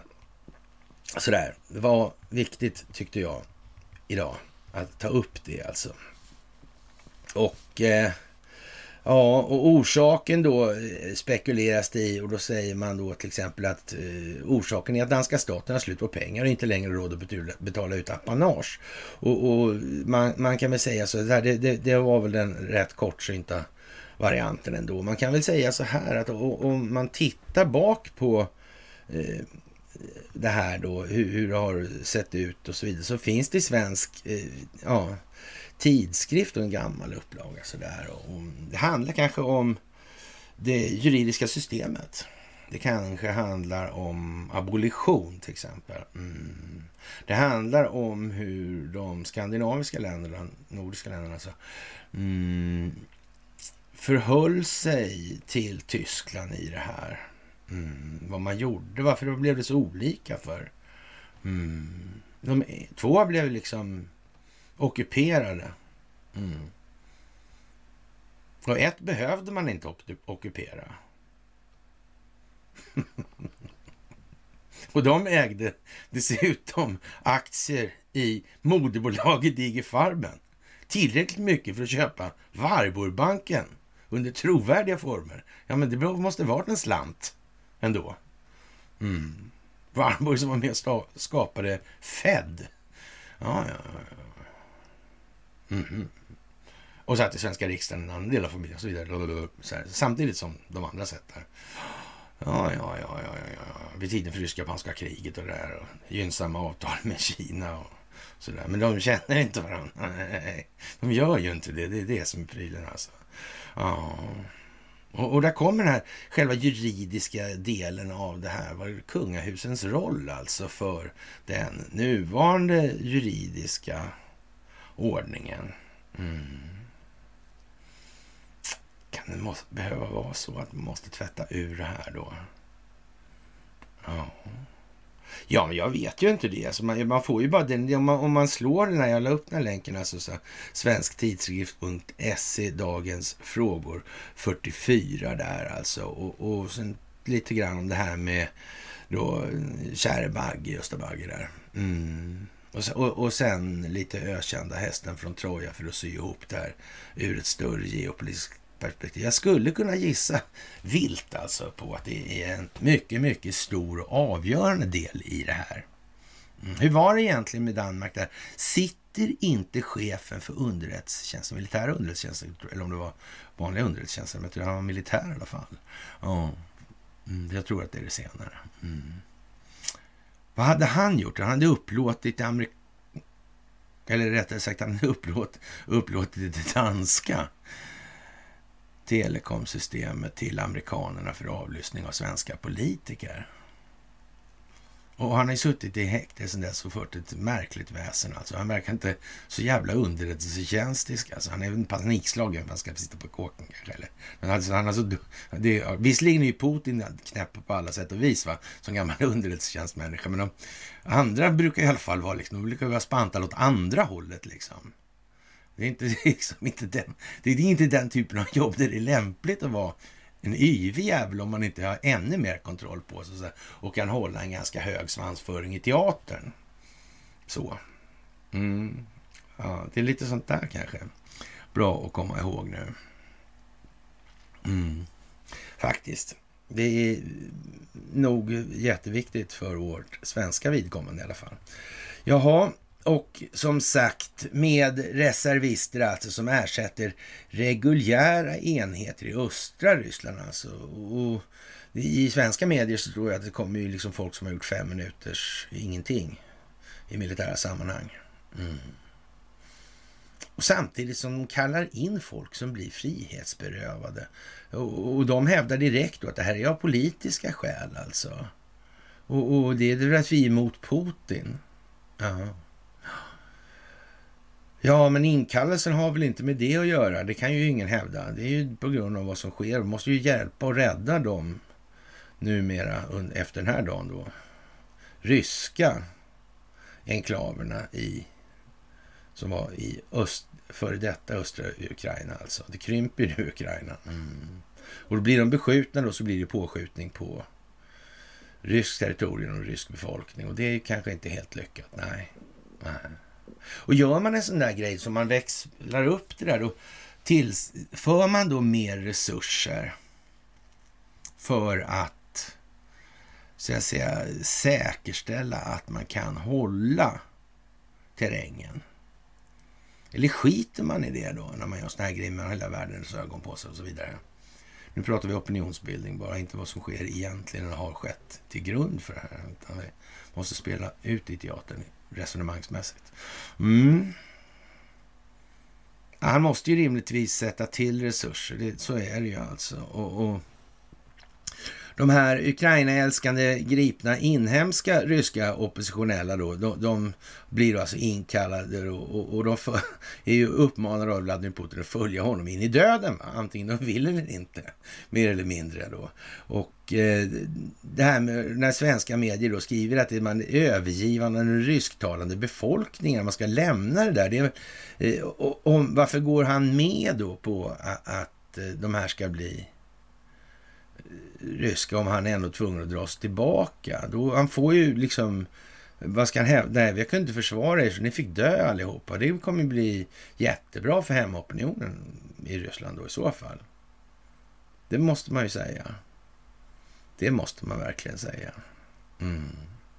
Så, men det är möjligt att ryssarna är lika korkade som svenskar alltså i det måttet. Men jag har faktiskt inte riktigt, jag tror inte det. De har varit med mycket mer i så att säga verkliga livet och de har inte haft fred i en passiviserande och fördummande fred. Inte en upplyst och medveten befolkning. Alltså. Nej, nej, det var inte det. Och ja, de är mer på tå helt enkelt. Och eh, Ja, man har ju faktiskt från rysk sida alltså uttryckligen sagt att angrepp på den ryska regionerna utgör ett angrepp på Ryssland och då, då, måste man ju faktiskt ha mer resurser i anspråk tagna för att uppnå tillräcklig handlingsfrihet i manövern då. Alltså man måste ju, för, för kommer det, man behöver ju ett visst antal stationära enheter där nu alltså. Mm. Det är ju så alltså. Och vad det tar vägen sen, ja det återstår ju att se då. Att Tyskland behöver sin gas och transiteringen kan lösas genom Ukraina som den gjorde innan då. Det, det, är ytterligare en parameter i det här och det är ju inte särskilt avancerat att tänka ut det heller och sådär. Det i sin tur, eh, om nu eh, vi då teoretiserar lite kring det här med hur mycket reguljär verksamhet finns det kvar alltså? Mm. Hur mycket finns det kvar? Från början gick man ju in, då med för, eller in för att säkerställa då att det inte de här äh, värsta nassadorerna håller på för mycket nu. Och inte de här biolabben skapar möjligheter till användning av massförstörelsevapen. Alltså. Mm, med enorma mänskliga lidande som konsekvenser. Mm. Det kan man ju tänka på i det här. Och, och om man nu så att säga eh, pacificerar Ukraina nu. Mm. Ja, då blir det ju som det blir då om då man i det fallet från tysk sida väljer att ta gas transiterad genom Ukraina. Det kommer ju bli superpopulärt hos de som fortfarande står och skriker att det är Rysslands fel allting. Det kommer ju verkligen, det kommer bli en succé alltså, helt säkert. Ja, och det blir ju lite samma resa med EU i den delen då. Där kan man ju säga så här, det är två riktiga sprängkilar som ligger på lut här nu och slås in i det här. Och det är ju också säkert väl värt att eh, reflektera kring då. Och De ryska styrkorna står troligen inför ett nära förestående nederlag i staden Lyman i nordöstra Ukraina, skriver tankesmedjan Institute for the Study of War alltså. Och ja, som sagt, det är ju vad det är då naturligtvis. Den här översten Dog McGregor alltså, han är eh, jävla bra alltså på analys. Men däremot så har han inte det där som Karl Gerhard skaldar om i sig. Alltså, han har en, eh, en fin soldatheder helt enkelt. så. Det lyser verkligen om det. Men verkligheten är nu en gång den att eh, det finns en befolkning från Sverige. Ja. Där är man skolad och konstituerad av då Bagge Holmberg och Welander och sådana här fina människor. Gunnar Alva och så vidare. Mm. Skolväsendet, skolreformerna. Man, man, har ett visst sätt att se på sig själv i förhållande till andra. Vi sköter oss själva och skiter i andra. Vi tänker främst på oss själva och vi skiter i alla andra. Och så vidare. Sån är inte Doug McGregor. Han omsluter inte det argumentet eller det synsättet. Det är skillnaden. Han är liksom en ädel typ alltså. Mm. Svenskar kan bli ädla när de släpper sina svenska känslogrundande värderingar. Då kan det lösa sig. Men intills dess, ja, då är det som det är. Alltså. Och det gör också att eh, McGregor, han eh, glömmer liksom bort eh, fa alltså falskheten i det här. Alltså. Och han vill ju inte uttala sig om då huruvida, han kan inte belägga att det är någon form av amerikansk koppling eller CIA-koppling. Han vill inte ta det i sin mun alltså. Han vet bara att vi, vi vet inte det. Så, ja. Så, sen kan må han tro vad han vill alltså, men han skulle aldrig säga det alltså. Så.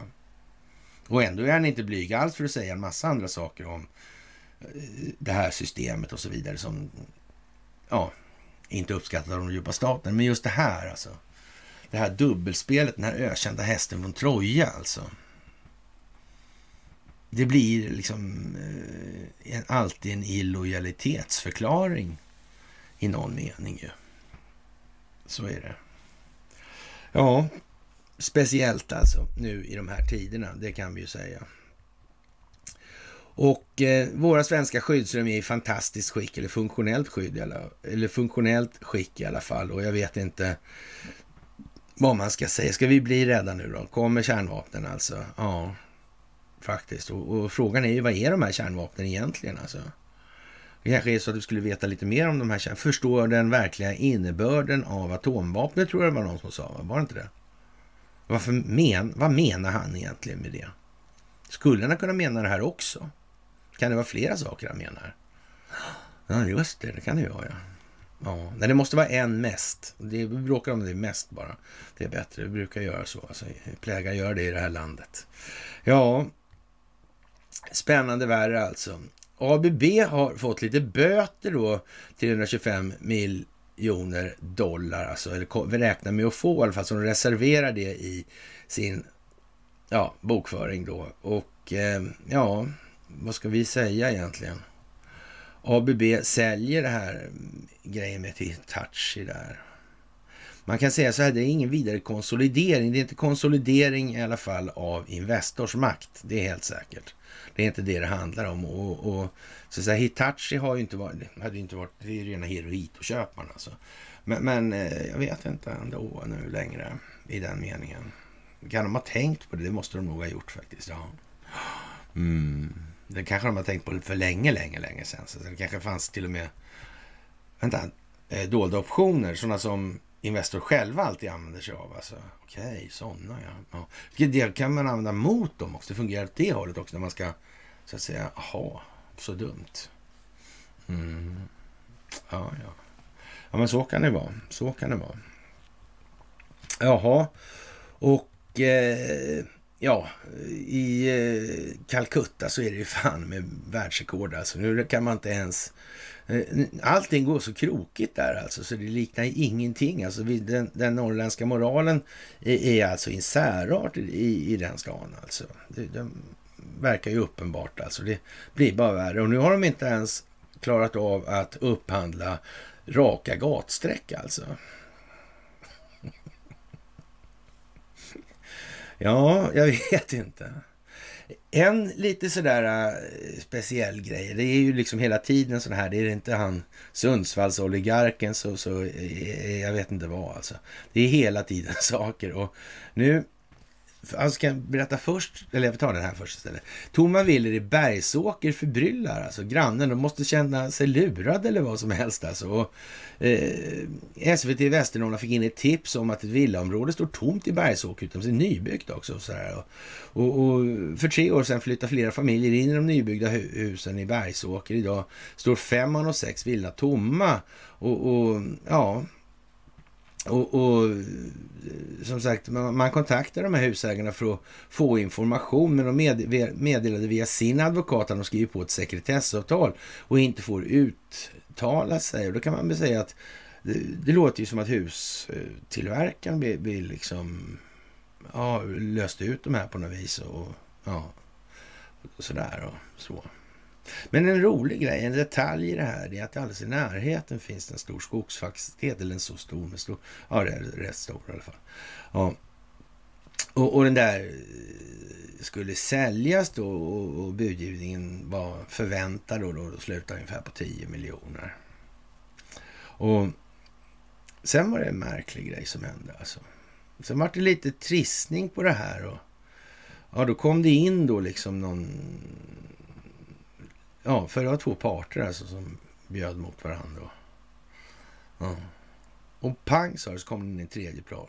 Och, och dubbl, överdubblade budet. Alltså de här förväntade 10 förvandlades blixtsnabbt till 25 avslutade budgivningen. Mm. I anslutning eller i närheten av det här så finns det en massa, eller massa ska jag inte säga, men ett antal rätt stora och dyra vägbyggen mitt ute i ingenting. Och i vägsträckningen på den här vägen som går mellan E14 och E4. Mm. Verkar som att det lite längre bort mot vattnet till då så verkar det vara något logistikcentrum på gång alltså. Mm. Det är liksom själva området där som mellan tvärförbindelsen mellan E4 och E14 och järnvägarna då. Man skulle ju kunna tänka sig att någon typ som är intresserad av det där logistikcentrumet skulle vilja ha fastigheter i anslutning till det. Mm. Skulle man, man, skulle kunna tänka sig i alla fall. Det vet inte vad som... Ja, så kan det vara. Var det några som var i, i Calcutta och förhandlade? Det var inte där oppositionen inte fick vara med på förhandlingarna Dumbodil höll låda där. Ja, var det, var det inte så? Jag tror det var det. Ja, konstigt det där alltså. Mm. Det verkar, det verkar skorpa ihop sig, eller liksom klumpa ihop sig. Det verkar precis som att det är planerat. Avståndet till Kubal och Deripaska är inte överväldigande om vi säger som så. Alltså. Det går att promenera dit utan jättestora besvär i vart fall. Ja, kan man ju tänka på när det brinner i väggarna. Mm. Jaha. Och eh, som sagt, det är mycket som ska ske nu inom ungefär två veckor. Alltså. Det, Två veckor är vad FBI har på sig att lämna ut innehållet i Setrich laptop alltså. Mm. Julian Assange utlämnande ligger fortfarande i pipen alltså. Twitterstämningen är om cirka två veckor alltså. Mm. Kristersson, han vill ha två veckor. Och Nord Stream behöver ju tid för att de här ska tömmas de här. Mm. Mm. Några veckor. Och, och Danchenkos rättegång i USA där. Mm, det här, allting kommer in genom SAS-fönster. Det har vi nu växt till en hel ja, kortsida på laggården helt enkelt. Det är ingen logdörr längre. Nej. Ja, det där är, verkar vara lite speciellt alltså. Och möjligtvis är det ju nu faktiskt så att ja, den här bilden med Vladimir Putin, Xi Jinping och Donald Trump och Recep Tayyip Erdogan kanske faktiskt har lite bäring på verkligheten. Jag vet inte. Det, det, skulle kunna vara så faktiskt. Det skulle kunna vara så. Ja, och det kommer som sagt mer idag. Var så säkra. Och eh, Sverigedemokraterna eh, ja, vann då liksom på Making Sweden Great Again. Alltså, och vad betyder då det här? Epoch Times har gjort ett reportage. Alltså. Och vi tror inte det betyder ta itu med skuldmättnaden, globalistfamiljen, men vi är inte säkra naturligtvis i det här. Och, och, vi är inte så säkra på att särskilt många i det här partiet är särskilt insatta i de här frågorna ur de perspektiv som gäller i verkligheten. Och att de skulle vara delgivna någon information i de här sammanhangen, ah, det får man nästan se som lite osannolikt. Alltså, då får de ha ja, varit utsatta för rejäla hot om rejäla påföljder i så fall. Jag har svårt att se det, men jag kan ju ha fel i den delen. Och ja, som sagt, som vi sa från början, eller i början på det här myset, så ja, det är nog mer ett verktyg helt enkelt. Det är trots allt så att det bygger på folkbildningen. Det bygger på den enskilda individens självförståelse, sin självbild, sin självkänsla. Mm. Och jag är ledsen att säga det alltså, men nej. Den kostymen är alldeles, alldeles för stor. Så är det. Jaha, och eh, barnen stoppas, Ukrainas flagga förbjuds under EM i junior, junior i boxning. Och, och ja, vad ska vi säga egentligen? ja, faktiskt. Dominion, Facebook, eh, CFCL och eh, utgör då eh, med flera de, CLC och Mark Zuckerberg, hans fru, alltså som, som ja, eh, de har liksom blivit stämda då av, eh, och det här är ett case av stort nationellt intresse. Och ja, vad ska vi säga? Det har tagit lite rättsligt, fått lite rättsligt fäste nu. Just nu också, av alla jävla tidpunkter. Mm.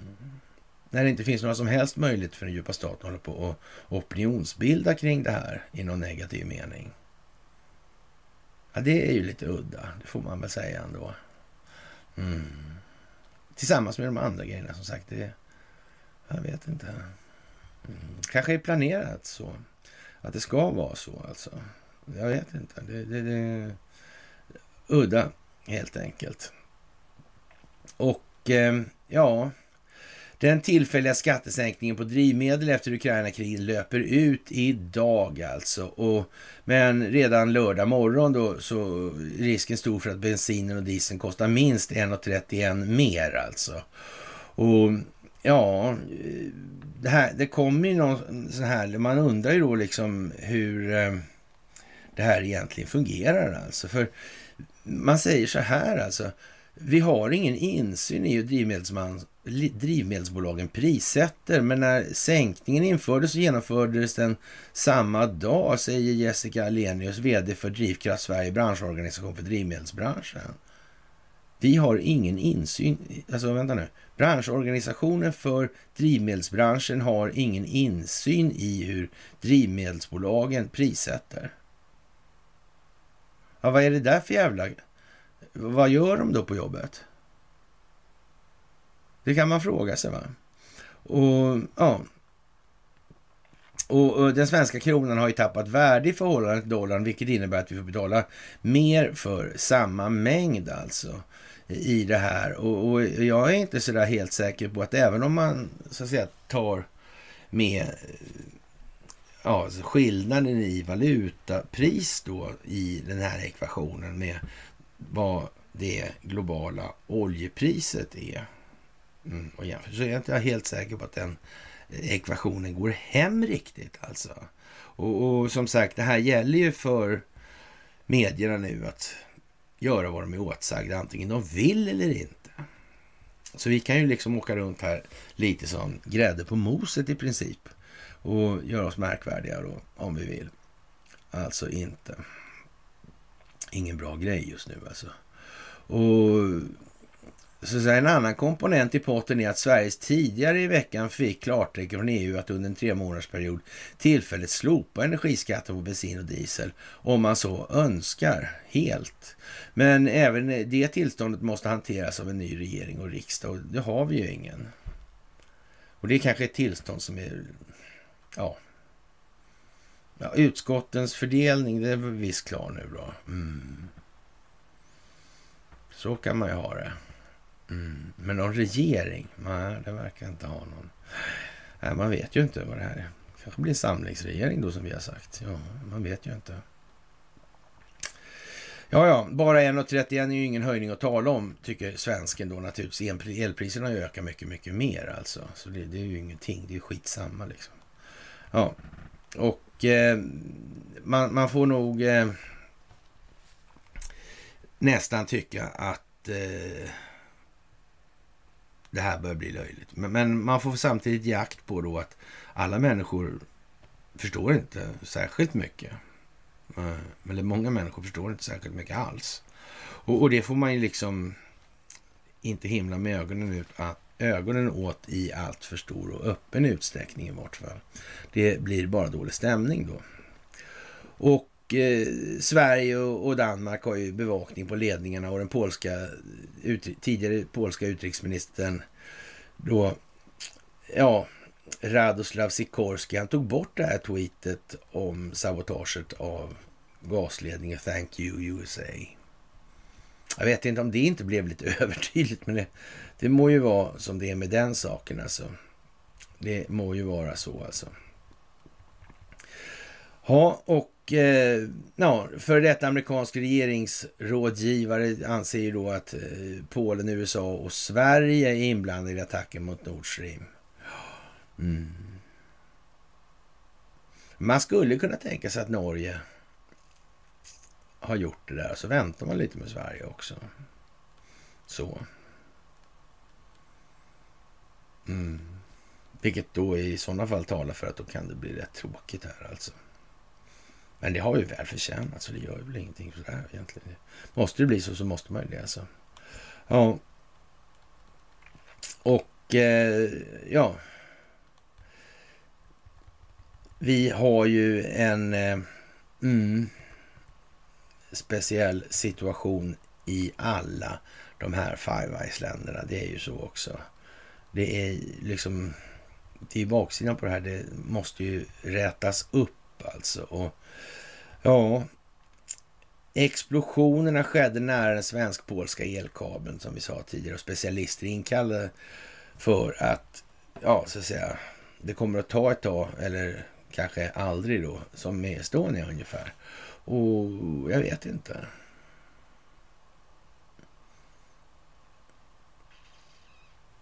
Kanske har de micklat med den polska kabeln också själva.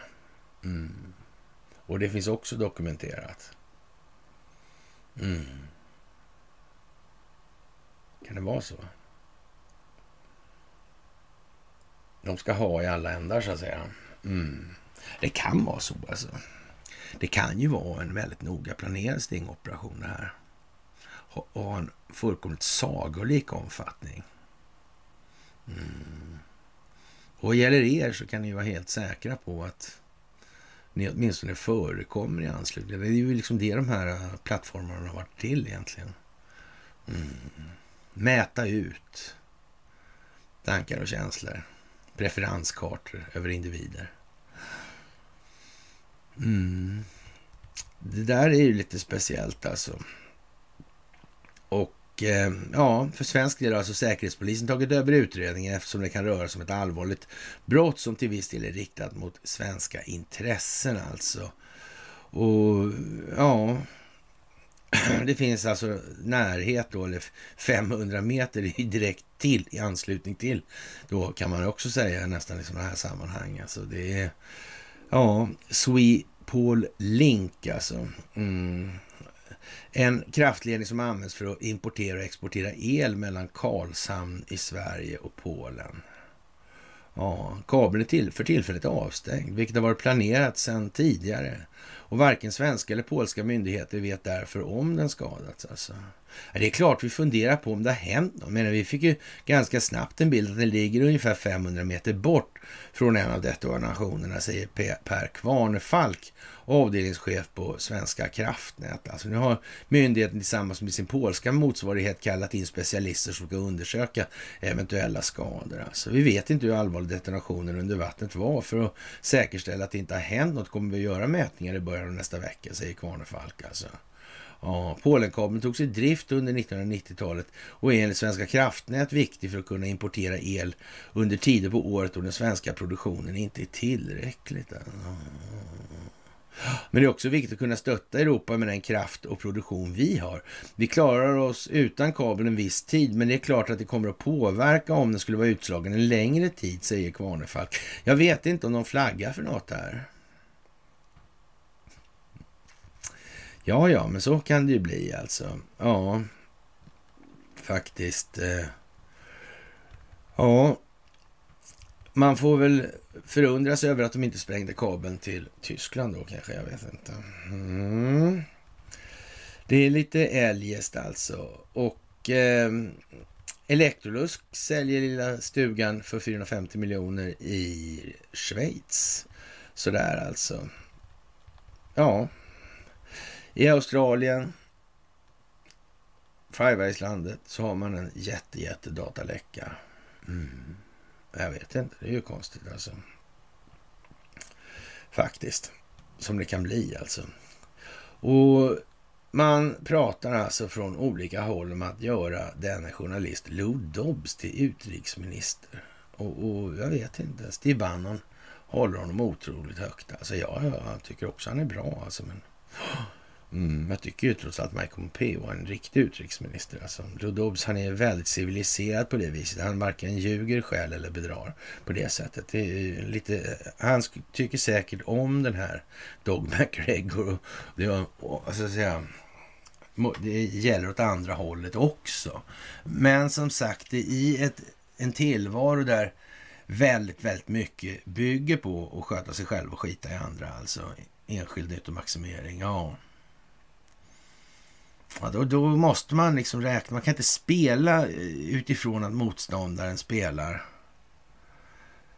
på samma sätt som man själv gör eller som man önskar att motståndaren gjorde. Eller vad man nu ska säga det så, uttrycka det som. Mm. Ja, det där är ju liksom lite eh, eljest helt enkelt. Jaha, och eh, ja, det här med att härska genom söndring har man nu kommit fram till att man eh, kommer att eh, mm, sätta hårt mot hårt mot fiender som försöker sönderdela Iran genom att så oenighet bland människor. Ja, har man kommit på det här alltså? Ja, det här med Mossadegh var ju rätt länge sedan alltså. Mm. Ja. Den iranska befolkningen är som alla andra befolkningar splittrad av just den enkla anledningen. Mm. Man behöver ju liksom bara kontrollera hälften. Den andra kontrollerar sig själv då. Mm. Ja, det är lite som det är, kort sagt. Och eh, ja, det är väl klart för alla nu att med Kearsarge och såna här grejer. Och man har ju övat då i anslutning till de här installationerna på botten. Mm. Och som sagt, need to know basis gäller. De får inte ha en aning. de som inte behöver ha det. Det är bara så. Och eh, Glenn Greenwald, han säger då, eller ställer den retoriska frågan då om Ryssland verkligen skulle sabotera sin egen pipeline. Och det är liksom det enkla sättet att se det. Det skulle de naturligtvis inte då, men då har man lite mer komplicerat som Lena Melin då till exempel. Så ja, de kan vinna det här och det här. Det är de enda som har något att tjäna på det där. Liksom. Okay. Mm. Men i förlängningen då? Hur går det med kampen med, med djupa staten och till exempel de här de överstatliga organisationerna som man inte vill ha? Nato vill man inte ha heller. Blir det bra att göra sådär då? Ja, som sagt. Antingen finns det djupa staten eller så finns den inte. Det var det, det liksom. Ja, lite trevligt faktiskt. Och eh, som sagt, eh, ja. Nå, någonstans så, så, kommer det naturligtvis att bryta ordentligt, det är helt säkert. Och, och, när är det vet vi ju inte exakt, men hur det är planerat, det kommer ju vara planerat så mycket det bara går, eller i möjligaste mån då, för att det här ska gå så friktionsfritt som möjligt. Det som inte kan gå friktionsfritt kommer att krävas att gå på annat vis alltså. Och det är också nödvändigt att du får göra det. Faktiskt. Men det gäller att veta att det måste bli så också. Och eh, ja, det är ju vad det är helt enkelt. Och vidare då så kan man ju eh, ja, konstaterar då att eh, man ska då låna pengar för att betala räntorna och det börjar bli uppenbart för alla att det verkar inte vara någon bra idé alltså. Om man inte kan minska de här lånen utan lånemassan bara ökar, då är det ju liksom, då är det bara en tidsfråga innan räntekostnaden ändå blir för hög. Alltså det, det, här, det börjar folk att förstå. Det går ju inte så snabbt i, i början alltså. Ingen bra acceleration alltså. Men ja, det, det, nu är vi i fart här alltså. Sådär, så att det, det, det är liksom rätt okej okay ändå. Får man nog säga. Mm. Som sagt, det är ju många som vill prata om eh, något roligare och trevligare än verkligheten numera. Och det märker ni ju naturligtvis i det sociala sammanhanget att det här kommer ju att bli alldeles förskräckligt för många människor att ta till sig. Vi har ju inte den, som befolkning betraktar den eh, minst guppiga resan framför oss. Nej, det är ju så alltså. Faktiskt. Mycket speciellt alltså. Och det här har ju hållit på en bra stund och kopplingarna till USA, de är helt enorma alltså. Och de här utvandrarna och allt det här som Moberg beskrev, var inte han liksom ändå en sån här kille som att han lite grann åt, eh, åt, åt pelarorden och det här och, och sådana där prylar. Mm, Borgny Segerstedt, han var, ja, de var ju bort som de var, barn av sin tid, men ja, rid i natt. Mm. Rid i natt, ja, budkavlen går. Mm. Ja. Ja, som sagt, och eh, Dimitri Peskov han hävdar ju då att eh, det går faktiskt inte att komma nära Nord Stream då utan att upptäckas. Och, och svensk-dansk övervakningsutrustning sköter det där. Och nu vill han ha dokumentationen. Ska de säga nej? Går inte så bra. Fungerar inte helt enkelt, faktiskt. Ja, det är lite udda får man väl säga. Och, och när... Eh, ja, vad ska vi... Egentligen behöver inte säga så mycket om, om det här med, med konflikter i östra Ukraina längre. Det är ju så att säga som det är. Mm. Och Italien förhåller sig till omvärlden på ett lite annat sätt. Ja, så är det också. Faktiskt. Och eh, med, svenska medier då säger att det är nonsens det här med att Biden har sagt vad han har sagt och att Victoria Nuland har sagt vad hon sagt. Och, ja. ja, det vet man ju inte. Det kan ju vara så. Det kan vara nonsens. Mm.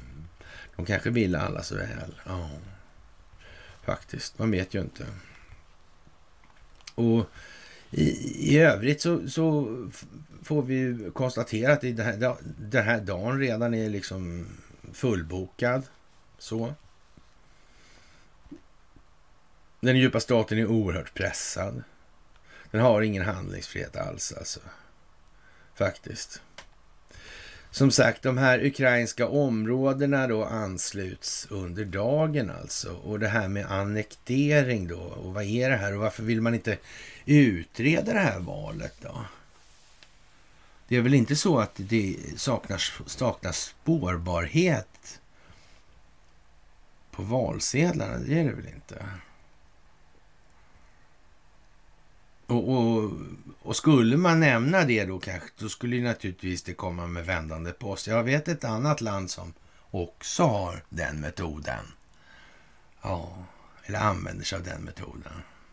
Så egentligen så det här att dels som man då i det här då framgångsrika valet, liksom som man i amerikanska medier skriver upp då för Sverigedemokratisk sida och sådär, så finns det ju en medvetenhet om att det här det här med noll spårbarhet, det är liksom inte seriöst alltså.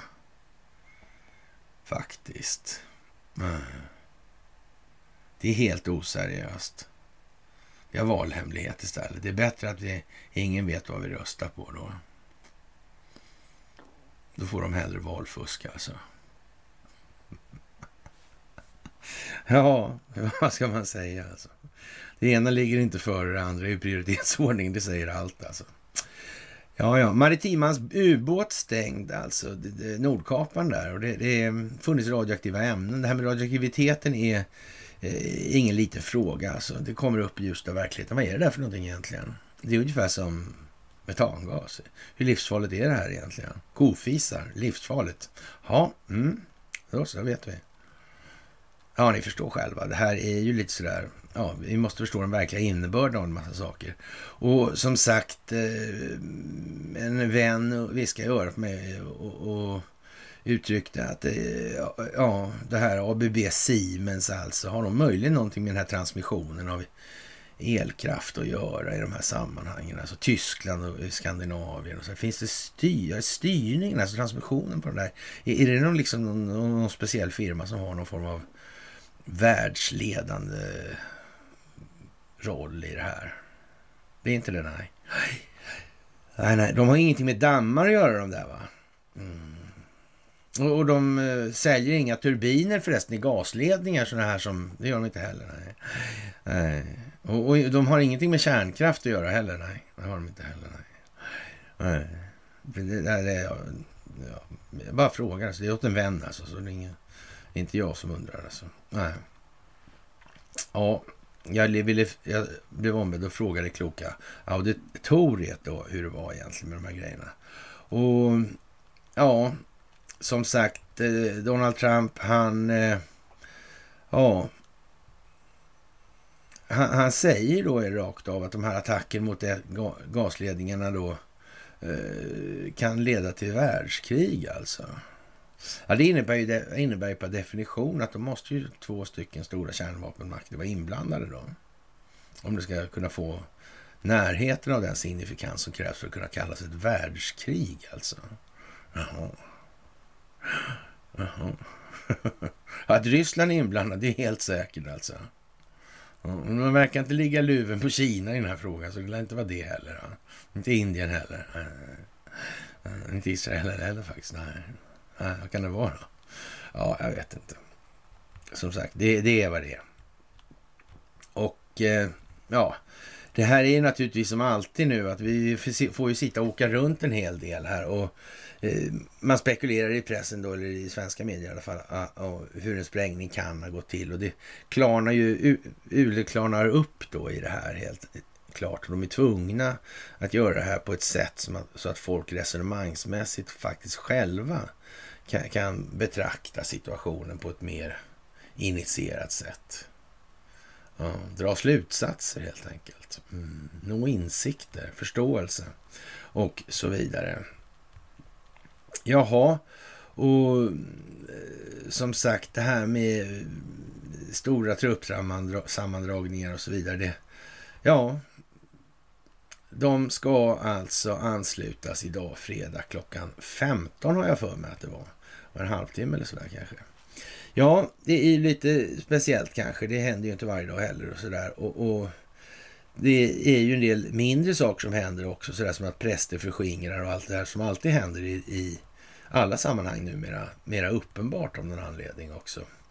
Och eh, ja, det är en fantastisk tid det här. Det är helt fantastiskt att få uppleva det här som människa och det är ännu lite mer fantastiskt att som människa få uppleva det här tillsammans med er i det här och faktiskt se hur vi utgör den förändring som vi vill se i verkligheten. Det tycker jag är alldeles, alldeles fantastiskt alltså. Och eh, Lena Melin, hon håller flaggan lågt alltså.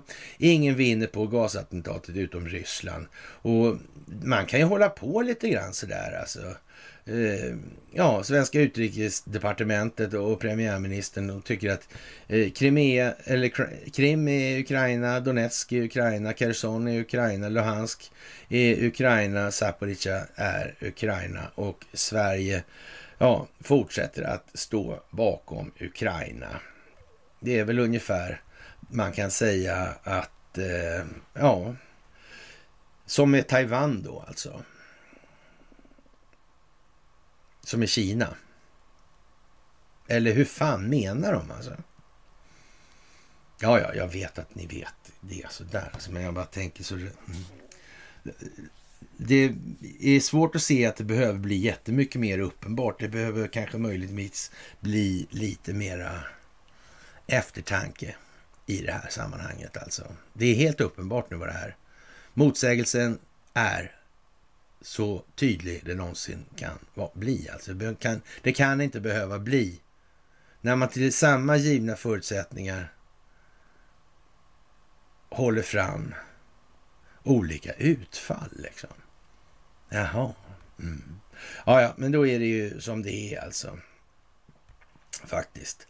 Och eh, Ja, internationella organ är naturligtvis sådana som IEA till exempel. Det är uppenbart vem som har gjort vad och så vidare. Och det här med priserna på dieseln där och jag vet inte om vi tog upp det förra gången, det gjorde vi kanske inte, men Sverige då hade i våras där ett pris på 26,97 och i samma veva då, då har man i Ryssland 3,88. Vad beror det här på egentligen? Det är valutaeffekter alltså, säger man. på branschhandlarföreningen då. Jaha, som inte vet hur prissättningen går till inom bolagen. Jaha. Men de har inte köpt några terminer på valutan med valutamarknaden. Det finns inget sånt där. Så de har liksom, de har inte jävla, en jävla skock med människor som sitter och handlar på valutamarknaden för att försäkra bolaget mot valutaeffekterna. Det har de inte. Tänk, det tror jag de har faktiskt. Jag vet att det låter otroligt, jag vet det, men jag tror ändå att det är så faktiskt. Det skulle nog löna sig att ha ett par anställda för det bara. Jag tror faktiskt det. Ja, ser man att de gör dåliga affärer på så vis, då får man ju först undersöka om de håller på med annat än vad de har sagt att, man har sagt att de ska göra. Och det får man naturligtvis göra, men nej, jag vet inte fan alltså. Jag har hört talas om att det finns sådana där avdelningar faktiskt, på, på en del typer av bolag. Alltså. Som håller... Alltså, ja. Eh, eller kanske är fel. Jag tror inte det. Jag tror inte det. Nej. De som tror det får fortsätta att käka snorkråkor helt enkelt. Det är vad som bjuds till fredagsmys för dem helt enkelt. Och ja, varför... Alltså, de betalar... Va, ja. Men borde inte snåltarmen i svensken, vara fan för fan, fy, under fyra spänn alltså. Vad jävlar man ska tjäna liksom. Inte? Nej. Nej, men då så, då är det ju, då är det ju som det är liksom. Nej. Ja, och som sagt, det gick ju ganska snabbt innan man gick, när man gick ut med det här. Och fantastiskt nog för Sverige så går ju försvarsföretagen väldigt, väldigt bra. De till och med växer som under kalla kriget. Ja, men ni hör ju själva. Alltså, det är det är ju faktiskt riktigt komiskt sådär alltså. på det viset. Och nu ska vi hållas upp lite på tå och vi ska skrämmas och så vidare. Vi kan väl eh, avsluta med att det går åt helvete för H&M där och jag vet inte, de där lirarna alltså. Det var något jävla bolag där någon gång. Alltså, jag vet inte fan hur det där var. Alltså. Jo, det vet jag ju. Det vet jag ju faktiskt. Och man kan, jag skriver så här faktiskt. Jag går verkligen dåligt för vissa kretsar. Och tro mig när jag postulerar att det finns någon som mår mycket illa nu. För vad de ställde till med då. Och med då avses inte främst att öppna fik på hennes och Maurits Åhléns city alltså. Men nu kommer ingen undan faktiskt. Det är väl som det ryska huset och den där Kriström advokatbyrå och sådana där grejer. Alltså det verkar komma ikapp alltså. På något märkligt vis. Jag vet inte fan hur det kommer sig egentligen. Det verkar liksom planerat. På något jävla vis verkar det ändå vara planerat. Konstigt alltså.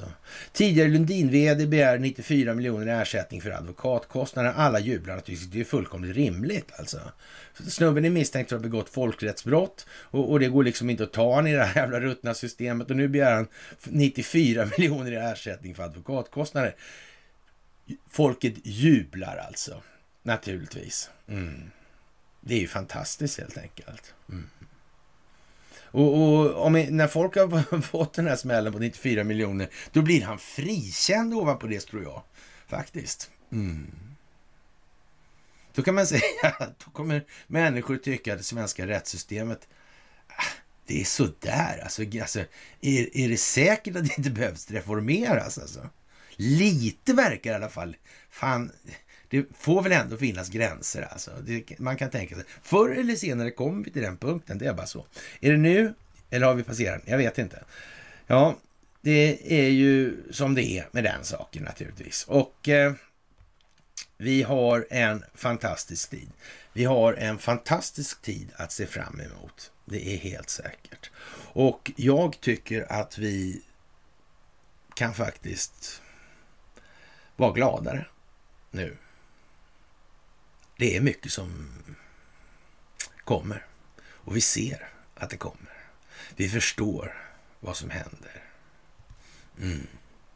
Och som sagt, det enda vi behöver egentligen alltså tro på, det är att det faktiskt finns någonting som vi kallar för den djupa staten.